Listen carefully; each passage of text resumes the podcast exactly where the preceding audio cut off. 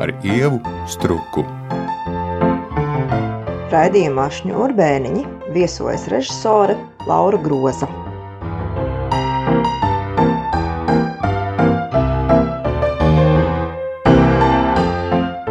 Tā tad uh, ir karsta jūnija diena, sezonas izskaņa. Man ir prieks, ka tu, Laura, varonīgi esi uzkāpusi šņurbēniņos, lai parunātu par teātri un šo ļoti, ļoti savādo sezonu. Sveika, Laura! Sveiki! Jā, ir ļoti karsts, sutīgs. Es ceru, ka es izturēšu. Darīsim, ko varēsim. Nu, droši vien, ka mēs visi teātrī pasaulē jūtamies līdzīgi, un tomēr ne visi mēs esam varbūt līdzīgi kā cilvēki, un arī katrs darām kaut ko citu teātrī. Tādēļ tomēr es tev gribu jautāt, kāda tev bija šī sezona, kas tev to padarīja grūtu vai vieglu? Jo nu, tas, ka tā ir dīvaina, tas, protams, ir neapstrīdams fakts.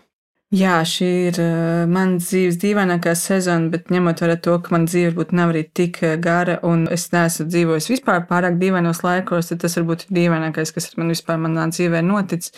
Jā, nu šī sezona nu jau pagājušā, jau viņa arī pārlūza vidū, tā ļoti spēja. Tas bija varbūt pat vēl dīvaināk, ka viņa tā salūza. Šī jau mēs tā kā bijām bišķiņ kaut kādā ziņā trenēti uz šīm dīvainībām un bijām gatavi tām.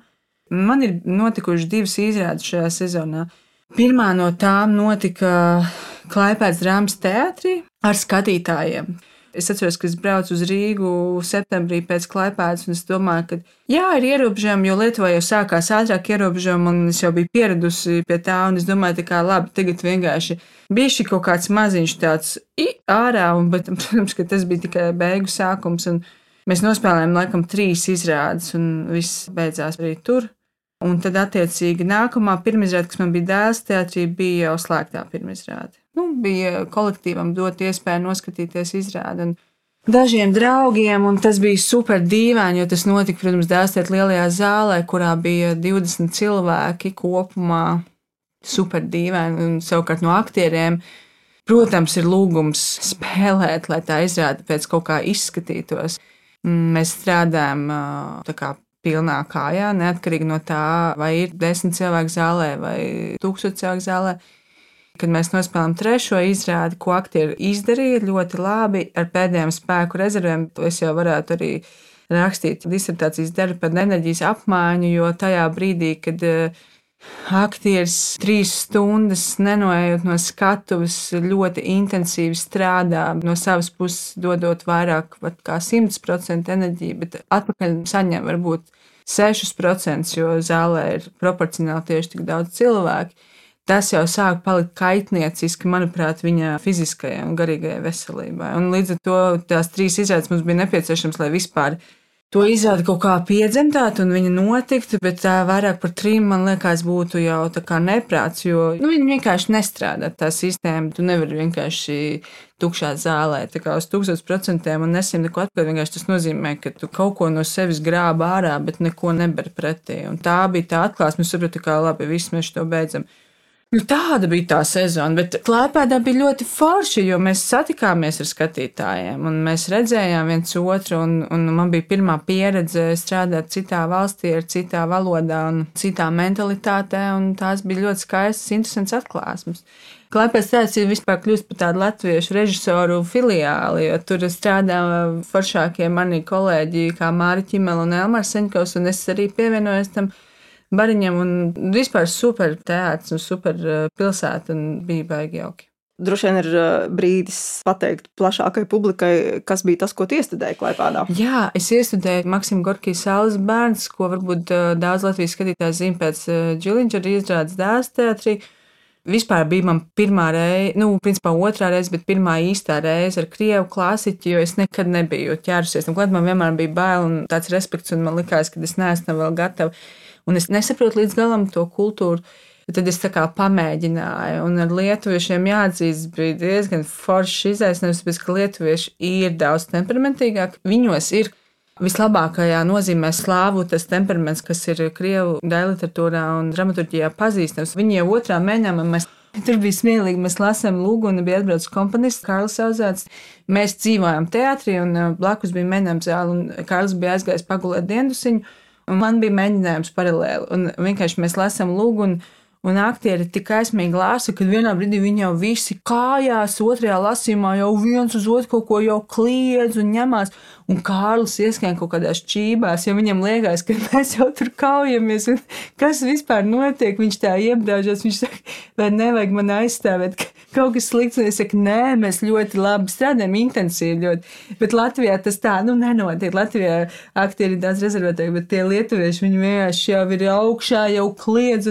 Viņi tieši smējās. Viņi teica, ka Dēlmārs viņiem visu laiku saka, ka viņi visi pārspīlē visu un ņem viņiem nost. Un es tikai saku vairāk, vairāk, jo man atkal ir tās temperaments līdzīgs. Man patīk tāda kaismīga izņemšanās. Tā kā Lietuvā bija super pieredze un bija super skaists arī laiks, bija vasara vēl un bija saule un viss. Un es tieši ietrāpīju tajā mazajā spraudziņā, kad pāris mēnešu teātris vēl darbojās, un tas bija forši. Nu jā, un tad bija piekrišana, un piekrišana vēl arī īpaši, protams, ar mājas klātbūtni.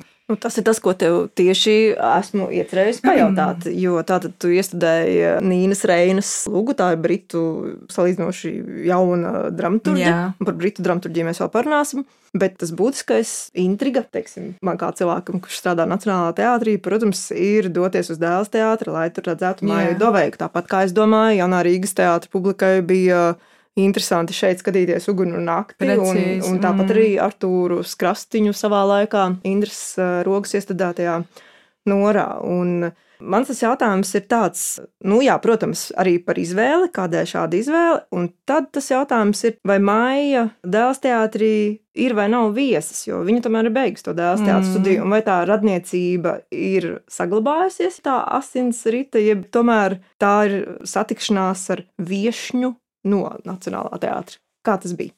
Jā, atbildot uz jautājumu, kāpēc māja bija tā, ka ir reizes, kad ir problēmas, kas ir jārisina. Un šajā gadījumā problēma bija māmiņa būms, un tas ir skaisti, un neviens vispār neapšauba šī notikuma nozīmīgumu. Un, attiecīgi, visi pārējie, kas turpina nodarboties ar teātri, viņiem ir jārisina šis jautājums. Un man tikko dota pilna vaļa izvēlēties no visa, ko es vienkārši gribu, kaut vai no polijas, ja viena kāda dāma runā latviešu valodā. Un tad es tā vienu vakaru sēdēju, godīgi skatījos vienkārši visu štatu sarakstu, kas ir piedāvājumā. Un es māju zinu, mums ar māju bija pirms desmit gadiem jau tikšanās par iespēju kopā strādāt, un tad tas neizvērtās. Es māju nenormāli cienu un nenormāli apbrīnoju, kā aktris, kā profesionālitāte, viss, ko es esmu redzējis, ko viņi dara, it sevišķi pēdējos gados, un it sevišķi nacionālajā teātrī skatos. Nu, man viņi ir top trīniekā no latviešu savas paudzes aktrisēm. Un, Un es vienkārši sapratu, ka, nu, protams, kad jāsāk ar labāko, kas ir piedāvājumā. Es jau nekad nekautrējos, es jau varu arī aizlausties pa telefonu centrāli, ja gribu līdz jebkuram cilvēkam. Un tad es māju piezīmēju, un eh, viņi teica, jā, atsūta materiālu, apstīsies. Un, uh, Viņi sākumā bija diezgan skeptiski par materiālu, bet uh, tas, kas viņu, protams, saistīja, bija kaut kāds arī radošs izaicinājums un nenoliedzami pamainīt māju ir izaicinoši. Tāpat kā jebkuram no mūsu pat režisoriem. Protams, mēs tur vēl kamēr sabiedrījām visus klucīšus, bet bija pateicīgs tieši tas Covid. Un redzat, tas, kas vienā gadījumā ir trūkums, otrā gadījumā ir privileģija, jo es neticu, ka mēs jebkādā gadījumā varētu māju sarunāt uz sadarbību ja būtu pilnesinīga sezona un uh, mājā noteikti te būtu super daudz darba. Un pēkšņi bija kaut kāds tas lokus, un tā sanāca, un visiem tas bija interesants izaicinājums.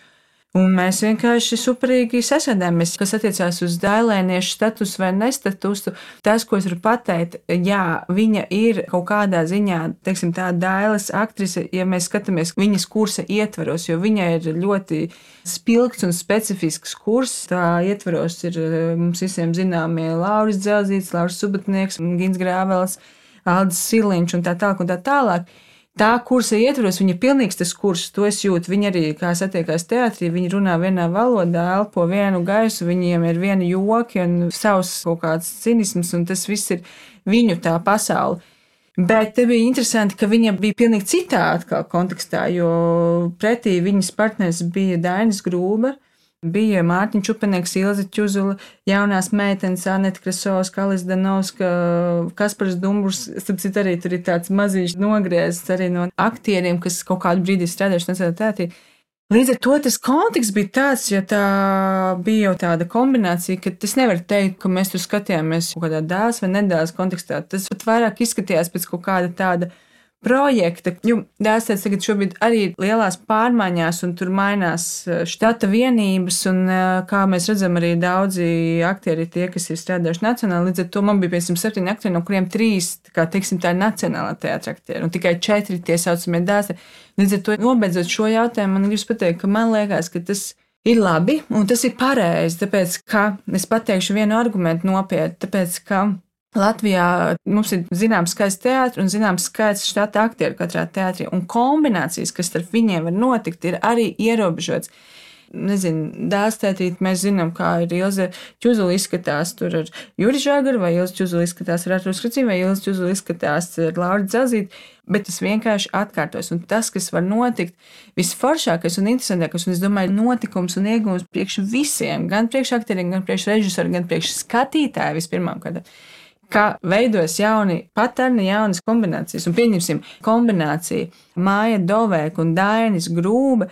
Tāds nav bijis, tas ir kaut kas jauns, unikāls un, manuprāt, tāpēc vien interesants. Un es zinu un ticu, ka viņi abi arī dabūja radošu, svaiga gaisa malku, jo viņi ieraudzīja pretī citu partneri. Un tas ir tikai papildinoši. Un māja superīgi paviesojās, un viņa tā arī vienmēr atkārtojas, nāku ciemos un viņa atgriežas ar prieku savās eh, mājās. Bet eh, īstenībā mēs ar eh, dēsta direktoru šī brīža Juris Žagri esam par to runājuši, ka tas ir tikai, man liekas, veselīgi tā pamaisīt, kā tu jau arī teici par to pašu. Gunu zariņu, kas viesojas, es arī Leļu nāmu ar Artūru Krastiņu, un ir vēl daži gadījumi, bišķi, nu, ka tas tā, ā, rekā, Nu, kā to ģimenes bildi sagriez un izveido jaunu kolāžu, un tu pasties, o, oh, pilnīgi kaut kas cits. Es šausmīgi runāju, bet man liekas, man vajadzētu pateikt. Nē, nu, intriga ir. Līdz ar to tiešām jāgaida, kad varēs tā publika atgriezties un šo varēs redzēt. Un, un es arī iedomājos, ka nu, man nebūtu nekas pretī nākamajā sezonā uz šīs skatuves. Vai ne? Ieraudzīt, kāda ir viesapīra. Jā, tas jā, ir. Jā, jo tas ir tā, ka viņi paši tā pilnīgi pamostās. Tā tā kā, zinu, Es jau man kaut kāds salīdzinājums ar dārzkopību, bet zinu, tas nebūs labi. Laikam labāk, ne kāds vēl domās, ka viņš ir tomāts. Tieši tā, tieši tā šņurbēniņi. Vēl vienu mazu atkāpi es gribēju par pandēmiju, tad varētu to arī noslēgt cerībā, ka mēs jau rudens pusē par to runāsim tikai un vienīgi pagātnes formā. Jā, cerēsim. Proti, es arī piedalījos diskusijā, kur sarunājās Edmunds Freibergs un Rihards Jakavels. Un es arī biju pieaicināta runāt par ilgu tramvaju, un arī Rihards stāstīja, ka aktierim ir ārkārtīgi grūti trešo, ceturto un piekto reizi te tukšajā zālē mm. Tas ir tāds enerģētikas jautājums. Tur ir diezgan skaidrs, bet nu, arī nav īsti droši vien risinājumi, jo tādas pieredzes nav, kā rīkoties šādā sezonā, kāda nu, tā bija. Bet mans jautājums savukārt ir, nespēlēt aktierim, protams, nozīmē, mm, nu, ka jā, ierūsē jā. viņa kaut kāda izteiksmes līdzekļa vai instrumenta, ar ko viņš strādā. Ko nozīmē režisoram strādāt mazāk vai ierobežotos apstākļos un nesatikt to publiku? Kas un vai ierūsē viņam no tām prasmēm, mm. kā viņš sajūt auditoriju? Nu, teiksim, tā burtiski tieši it kā nekas, jo mans darbs beidzās tajā brīdī, kad nāk skatītājs. Nu, reāli tā ir, nu, es nepārspilšu. Protams, kad es eju un skatos, tas pašsaprotami, par to nav jārunā. Bet mans tiešais darbs tieši izslēdz kādu skatītāju klātbūtni. Paldies Dievam, ka man viņa nav jāsatiek vienlaicīgi, jo es kā, esmu vienkārši tādā vienmēr savā kaut kādā pasaulē. Tas, kas iztrūkst, es pateikšu godīgi, man bija tāda sajūta pirms pirmsdienas, kad es vienkārši mānu nepilngadīgus bērnus pirms Ziemassvētkiem, stāstot viņiem par Ziemassvētku vēcīti, stāstot viņiem par to, ka vai sliktajiem bērniem būs žagariņi un labajiem būs dāvaniņas. Tādā nozīmē, ka Režisors vienmēr pirms pirmsrādēm aktierus mēģina jebkādā veidā vai nu iedvesmot, vai pacelt, vai pabužināt, vai arī kaut kādu diskomfortiņu maziņu radīt, lai viņš bišķiņi ieslēdzās vairāk. Un vienmēr tā balva ir tas skatītājs. Respektīvi, viņam saka, arguments ir tāds, ja mēs tagad saņemamies, jo mēs varam saņemties, mēs forši esam pastrādājuši. Tad tā balva būs tas skatītājs, un ticiet man, viņš jūs redzēs, un viņš tad arī izlems, ko mēs esam izdarījuši. Vai mēs vispār esam muļķības darījuši divus mēnešus vai trīs. Un tas bija vienmēr tāds arguments. Un tagad man nav šī argumentācija. Es esmu bezspēcīga. Tas ir vienīgais, kur es jūtu, ka manā tiešajā darbā nekas nemainās, bet man mainās fakts, ka es nevaru bišķiņi it kā labdabīgi manipulēt. Un man ir ļoti grūti viņus motivēt kaut kādā ziņā. Un es to darīju tik un tā. Es teicu, jā, draugi, mēs tagad eh, esam super nostrādājuši, un es saprotu, ka jums ir nulle atdeve, jums neviens kā, nekādu enerģijas piešķirts neiedos, nekādu dopingu jums šovakar nebūs nu, vienkārši viens otru vismaz aplējat ar enerģiju un paņemat no otra atpakaļ. Nu, lai jums ir vismaz savstarpēji tā enerģijas apmaiņa. Tas bija tas, bet tajā pat laikā tu kā kāds tāds sporta treneris pirms sacensībām vienkārši motivē, motivē, motivē. Jā, ir tā. Tu noskriesi, Tev neviens uz tevi neskatīsies, tev neviens neaplaudēs. Varbūt tu būsi uz spēku izsīkuma, bet tici man, tam ir kaut kāda kopīga jēga. Ja mēs skatāmies ilgstamībā, nu, tas ir tas vienīgais, kad es jūtu, ka es Kā lai pasakā, tā kā Ieva teica, es jau neblefoju, tāpēc, lai kādam būtu sliktāk, bet tieši otrādi - tādā pat laikā apzinoties, ka ja mēs nestrādāsim un netrenēsimies, arī būs slikti. Mēs nedrīkstam to atļauties, mēs nedrīkstam palikt uh, atrofēti un tīzli un netrenēt. Mums tas ir jādara, bet lai tu līdz tam finišam nokļūtu, tev dažreiz dara arī kaut kādi tādi vienkārši malā saucēji, kas tev palīdz aizrāpot kaut vēl līdz tam finišam. Nu, tāda tā atšķirība. Nu, es jutos vienkārši bišķi. Zinu, tāda čigānietes stācijas tunelī, kas vienkārši pārdod kaut kādas lietas, kas nevienam nav vajadzīgas. Vienkārši tā kā iemāna kaut ko. Un man jau patīk, ka visi taču saprot. Bet, nu kā, nu, ja nav nekāda cita varianta, tad turies kaut vai pie tā tad es nevaru neizmantot iespēju pajautāt, jo šāda saruna mums līdz šim nav bijusi. Proti, pārskatot tavu darba sarakstu, uzkrītoši, es nezinu, kāda režisora Latvijā uzkrītoši daudz ir uh, britu izcelsmes vai kultūras pārstāvi un autori. Es, protams, varētu jautāt, vai tas tādēļ, ka tu esi beigusi angļu gimnāziju un, teiksim, no bērna kājas interesējusies par šo kultūru vidi, vai tam ir citi iemesli. Bet provocējušais jautājums faktiski varētu būt tāds, man patīk, ka Alans Hermanis ir izmantojis metaforu par nolasītām un nenolasītām sēnēm un tām vietām, kur vēl aug un kur neaug. Kas ir tas, kas tev liek domāt, ka šīs sēnes vēl nav nolasītas? Mm -hmm. Jā, man liekas, ka es arī sākumā teicu par to krievu dramaturgiju, kad man bail bija visu laiku ķerties klāt, jo es Es nezinu to valodu brīvi. Nu, es esmu tā paudze, kas tā kā, man bija tieši tas pārmaiņu brīdis, kad varēja izvēlēties, un bija diezgan spēcīga propaganda par to, ka, ka tagad tas mums vispār nav vajadzīgs un neinteresē, un mēs no tā atsakāmies. Un es kā bērns, protams, jā, es skatos uz rietumiem, jo es taču arī esmu civilizēts pilsonis, un es negribu vairs nekādas emocionālas un fiziskas un lingvistiskas saiknes ar austrumu kaimiņu es tā kā nogriezu to pasauli. Un, attiecīgi, tā vietā pildīju sevi ar uh, rietumu ideoloģiju, rietumu pasauli, rietumu literatūru, ļoti daudz rietumu dramaturģiju. Protams, angliski lasot, es jūtu daudz labāku tekstu nekā krieviski vai, zināmā mērā, arhaiskus latviešu tulkojums zināmām krievu dramaturģijas pērlēm. Jā, nu tas varbūt ir tas, un mana paudze ir tā paudze, es nerunāju par vispār, bet es runāju par sevi kas pirmie tā apzinātajā vecumā atvērām to rietumu pasauli. Un mēs no vecākiem un no vecākiem vienmēr zinājām, ka tas austrumu kaimiņš ir tāds vārdarbīgs. Tur ir kaut kas tāds apšaubāms, kaut gan tur ir tik milzīgs spektrs, nu, jā, jā, par, to par to vispār mm. nav runa. Bet tu esi bērns, tu esi jauns cilvēks, un tu kā Arī es kaut kādā ziņā kategorisks, un tāpēc eh, ja jāatbild tā burtiski uz jā, jautājumu. bet faktiski mans tas jautājums rodas no tā, ka angļu valodā, kā lielajā valodā, ir tulkots ļoti daudz tomēr darbu, nu, norvēģu, zviedru, somu, grieķu, itāļu, mm. franču. Nu, kāpēc tomēr tāda fokusēšanās tiešām uz Britiem? Britu. Šobrīd tas mainās, tāpēc, ka eh, tieši tā, kā tu sāki, atverās vēl kaut kāds spektrs, bet tad, kad tas viss sākās, vienkārši bija vairāk informācijas par to telpu. Līdz ar to bija iespēja vairāk iepazīties iespējams arī ar to un uzzināt un izzināt un vieglāk to izdarīt. Un es saprotu, varbūt kaut kādā ziņā tas jautājums arī par to, vai ir kaut kāda īpaša mentāla atbilstība tieši šai kultūrai. Es to godīgi pateikšu, nē, tāpēc, ka man brīti, es esmu bijusi Londonā 12 reizes, manuprāt, dzīvē, un es katru reizi nosolos, ka nekad vairs nebraukšu. Tad man nepatīk tā pilsēta, man nepatīk tā nācija. Man tiešām kaut kas tā neiet rakstā galīgi. Bet tas, kas viņiem ir forši, bija tāds pizza TV, un es augu ar tiem Monty Python klipiem, un to gan es super labi saprotu. To britu, to cīnisko humoru.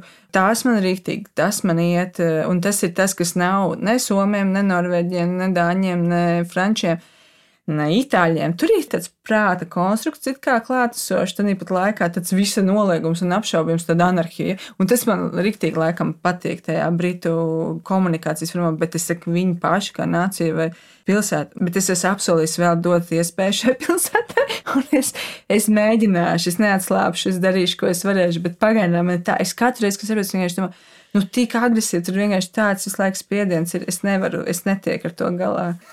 Man ļoti patīk, ka tu dos iespēju vēl šeit.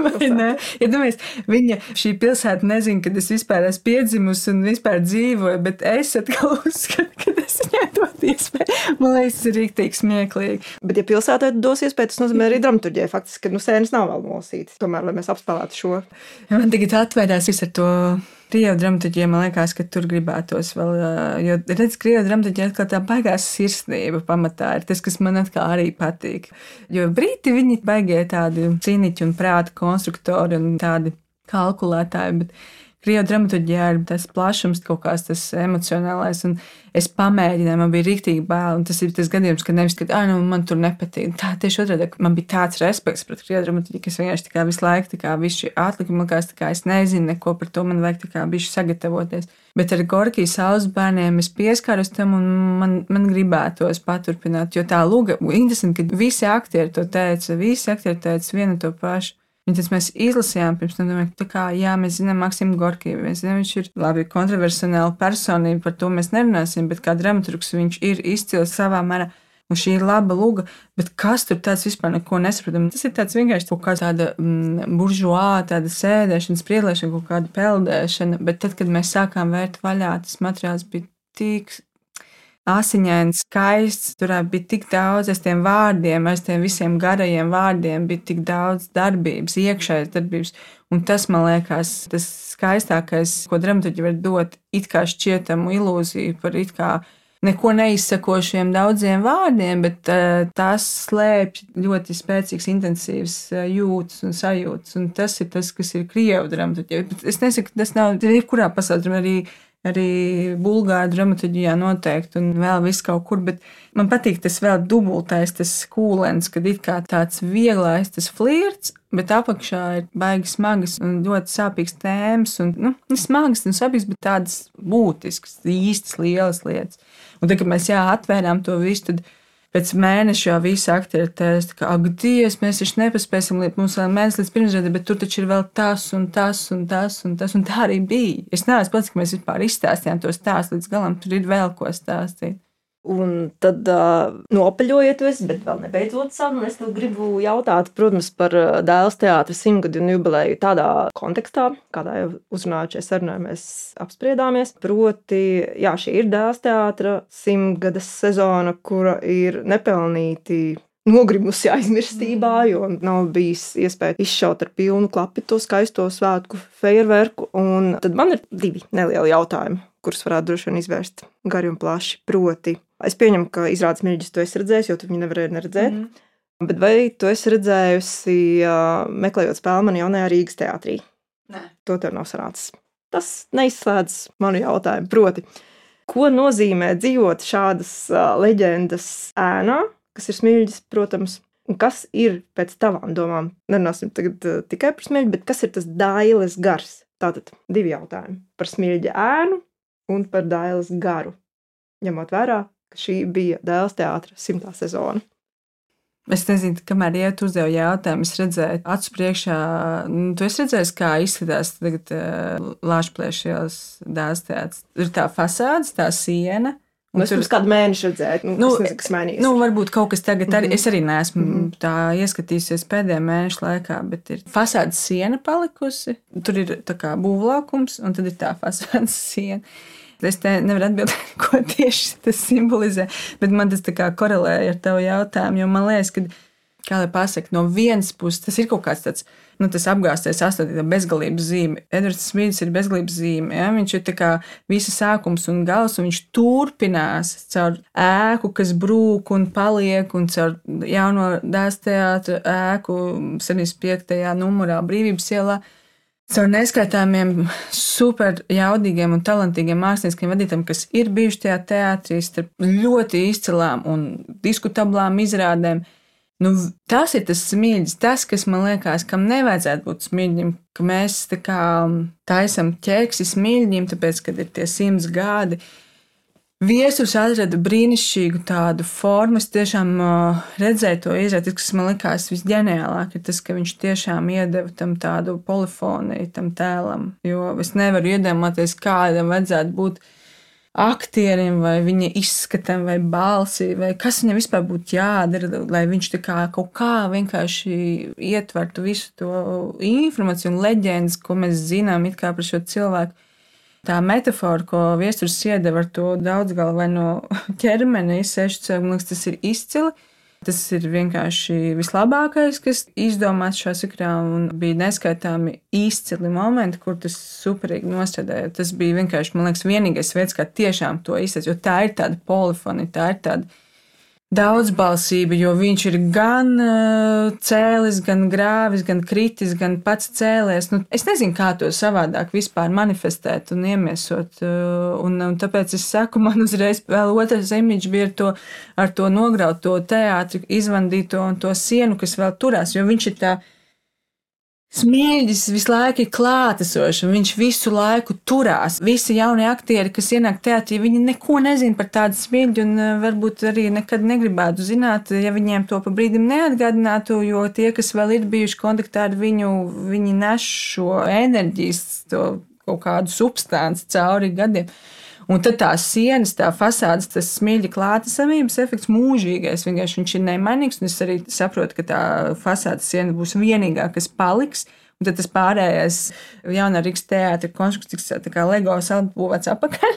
Un tas ir tas, kas ir viņš. Viņš kā, tur ir tāds milzīgs būvlaukums, saburvis, un tad ir tā viņa tā fasāde, tā seja nepazūd. Tas es tikko pati noformulēju. Tā seja tā nepazūd, jo viņa nevar pazust, tāpēc ka tas ir kaut kāds tāds fundaments, ko vienkārši viņa mutvārdos ceļo. Viņa ceļo, zina, fotografijas, viņa, jo cik daudz cilvēku ir tādu, par ko mēs varam teikt, kad viņš paliek kaut vai tādā formā. Nu, miljons cilvēku, miljardiem cilvēku pazūd aizmirstībā. Neviens pat nevar neko par viņu pateikt, ne uzrādīt nekādu liecību par viņa eksistenci. Tad smieļa gadījumā viņš manifestējās kaut kādā detaļā, bet tas viss, kas notiek ap viņu, ir mūžīgs ugunsgrēks. Un, un tas ir no vienas puses radoši, un no vienas puses arī graujoši. Un tāpēc, ja atbildot uz otru jautājumu daļu par dēls teātru un tā būtību un seju, vai kas tas vispār ir, e, nu tad tas ir kaut kas visu laiku tāds radošs un vārdošs vienlaicīgi, un tā ir beigām mistērija. Arī enerģija. Enerģija viennozīmīgi, mistērija viennozīmīgi, un līdztekus arī kaut kas arī tāds. Man liekas, ka ar dēls teātris visi, kas ir bijuši kaut kādā ilgākā vai mazākā kontaktā, neviens nevar noliegt to, ka tā ir ļoti spēcīga enerģija. Bet tur ir tā, ka varbūt tā kā tādam kartupelim krāsnī nevajag pārcepties. vajag zināt brīdi, kad tevi izņem no tās krāsas un neaizmirst tevi izņemt. Jo pretējā gadījumā tu vari pārvērsties pelnos. Tas ir laikam tas, ko es varu pateikt. Un līdz ar to ir skaisti ziedēšanas brīdi, bet tur ir tā bīstamība kaut kā vienkārši nepārcepties tajā visā nenormālajā enerģijas un gaismas un uguns klātesamībā. Man liekas, tā gudrība varbūt būtu tāda, ka Katram, pilnīgi katram, es šobrīd tiešām runāju gan par eh, vadošajiem māksliniekiem vadītājiem, un to arī vēsture pierāda, un vadošiem un visiem aktieriem un pat tehniskiem darbiniekiem. Ka vienkārši zināt laiku, kad tu dabū to enerģiju, tu esi tās caurstrāvos, tu rādi un zināt īsto brīdi, kad aiziet, lai nav jau tāda pārdegšanas sajūta. Nu, tad vēlot mums, kā jau saka, pret dēls liesmām izturēties ar pietāti. Es tev Jā. saku lielu paldies par sarunu. Paldies, Ieva. Tieši tā, respektēsim lielas kustības un, un nebūsim gudrāki par tiem. Paldies! Ar mani sarunājās režisore Laura Groza. Studijā bija Ieva Struka, raidījuma producente Sandra Ņedzvecka.